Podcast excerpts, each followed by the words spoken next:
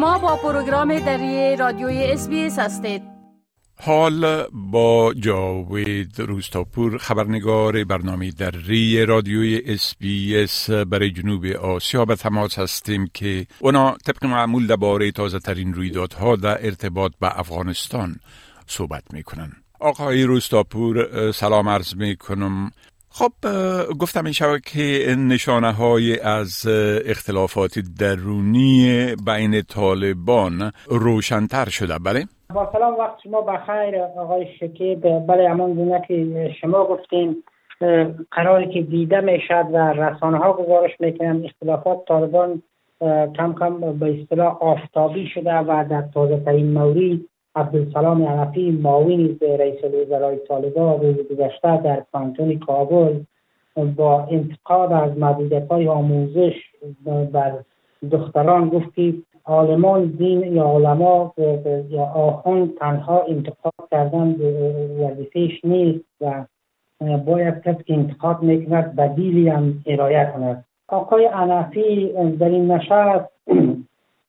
اظهارات بسیار کم سابقه را درباره ممنوعیت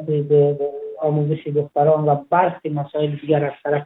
حکومت طالبا ارائه کرد و از طرف رهبری طالبا ارائه کرد. گفت که این مسئله سبب نشد که ما از ملت جدا شیم و ملت از ما و رای بدیل هم هیچ چیز نیست و این موضوع ما را به جایی نمیرساند. در همین حال روزی گذشته آقای سراج الدین افغانی سرپرست وزارت داخله طالبان که در خوست سخنرانی می‌کرد در یک مراسم. او گفت که وضعیت فعلی قابل قبول نیست. رهبری طالبان در سند عزیز که یک شگاف میان ملت و دولت ایجاد کنه ما در گذشته تنها وظیفه داشتیم که جنگ کنیم به گفته از ولی آیا مسئولیت داریم که در برابر مردم و برابر ملت ما باید حکومت کنیم و این وضعیت که جریان دارد ما را به جای نمیرسانه این مسائل و این سخنرانی و این اظهارات سبب شد که زبیح الله مجاهد سخنگوی طالبا واکنش نشان بده و در تویتر خود بنویسد که انتقاد از امیر نباید در محله عام صورت بگیرد. آقای مجاهد در تویترش تاکید کرد که اگر انتقادی داریم اگر کسی انتقاد دارد از امیر به گفته از او اخلاق اسلامی ایجاب می‌کند که این باید رو در رو با, با امیر یا باید بزرگ یا یکی از اعضای کابینه حکومت اسلامی باید بستشد نه در عام و نه از طریق رسانه ها آگاهان امور در پیوند با اظهارات مقامات طالبان و واکنش زبیرای مجاهد گفتند که طالبان نشان میده اظهاراتشان که اختلافات عمیق در درونشان جریان دارد و این اختلافات در نهایت سبب خواهد شد که انشعابی در گروهی طالبان صورت بگیره و طالبان به دو دسته و چندین دسته تقسیم خواهند شد. بله. خب همچنان گزارش شده که یونسف گفته که بیش از یکصد کودک در ماه جنوری در افغانستان در اثر سرما و همچنان بیماری های جانایشان از دست دادن اما منابع دیگه میگه که این رقم بسیار بلندتر از آنچه است که یونسف میگه بله؟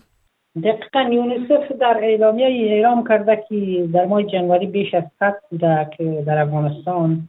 در اثر بیماری و سرما جان باختن و این اعلامیه یونیسف با واکنش مواجه شد و گفتن که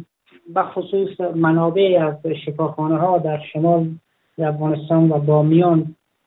بدون از اینکه نامی از خود ارائه کنن یا جزیاتی بدین بر روزنامه اشتی و اطلاعات روز گفتن که تنها در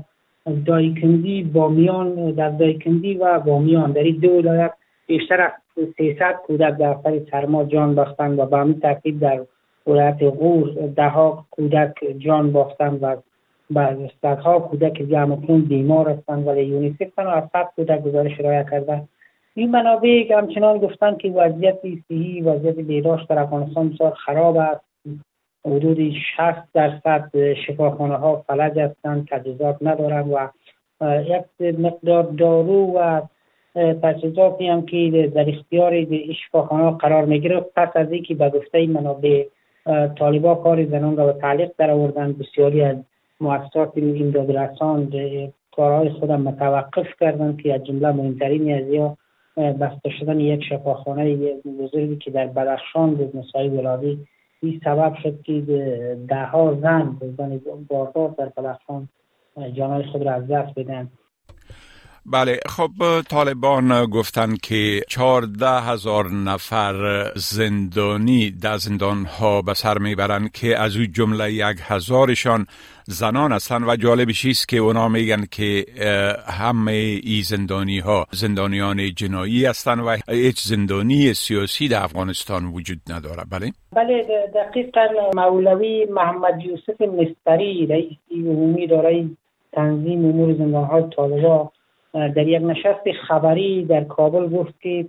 در حال حاضر 14 هزار زندانی دارند که 1100 تن از, از میان زندانیان زنان هستند. این مسئول طالبا تاکید کرد که این خانم ها بیتام های جنایی و حقوقی زندانی شدن و هیچ زندانی سیاسی در میان زندانیانشان وجود ندارد. او گفت که در چند در یک سال گذشته است وقتی که یا حکومت را گرفتن هیچ زندانی در زندانیان در زندان ها وجود نداشت و در چند ماه گذشته یا حدود 2500 زندانی را آزاد کردن پرونده هایشان از دوسیه را بررسی کردن و سه هزار دوسیه گفته بررسی شده و تا یک ماه آینده سه هزار زندانی دیگه هم آزاد خواهد شد. اظهارات طالبا با واکنش های تندی مواجه شد. گفتن که اکثر افرادی که در زندان های طالبان از میان 14 هزار نفر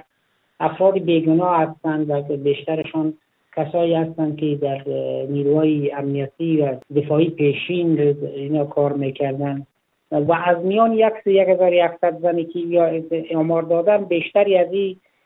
فعالان حقوق زن هستند که واکنش داشتند راهپیمایی کردن به دلیل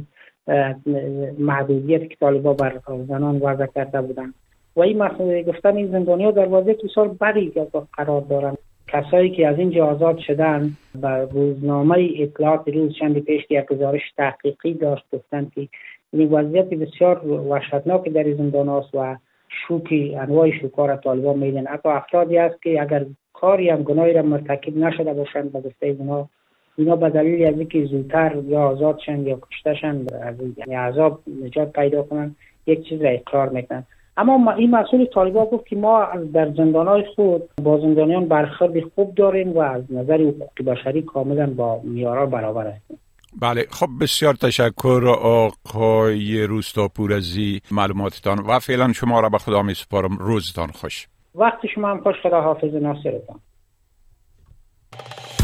بپسندید شریک سازید و نظر دهید. اسپیس دری را در فیسبوک تعقیب کنید.